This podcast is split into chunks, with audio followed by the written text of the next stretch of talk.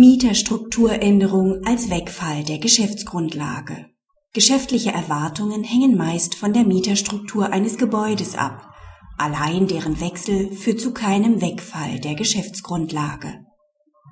In einem Räumungsrechtsstreit wendet die Mieterin ein, dass entgegen der bei Vertragsabschluss für den Betrieb eines Cafés vorgesehenen Planung die weiteren Einheiten im Gebäude nicht als Gewerbeeinheiten, sondern als Wohnungen vermietet worden sind.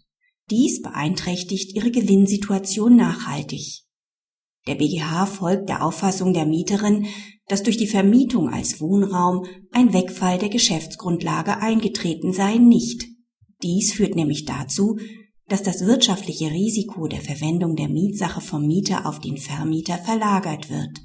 Eine solche Verlagerung des Verwendungsrisikos haben die Parteien jedoch nicht vereinbart. Praxishinweis.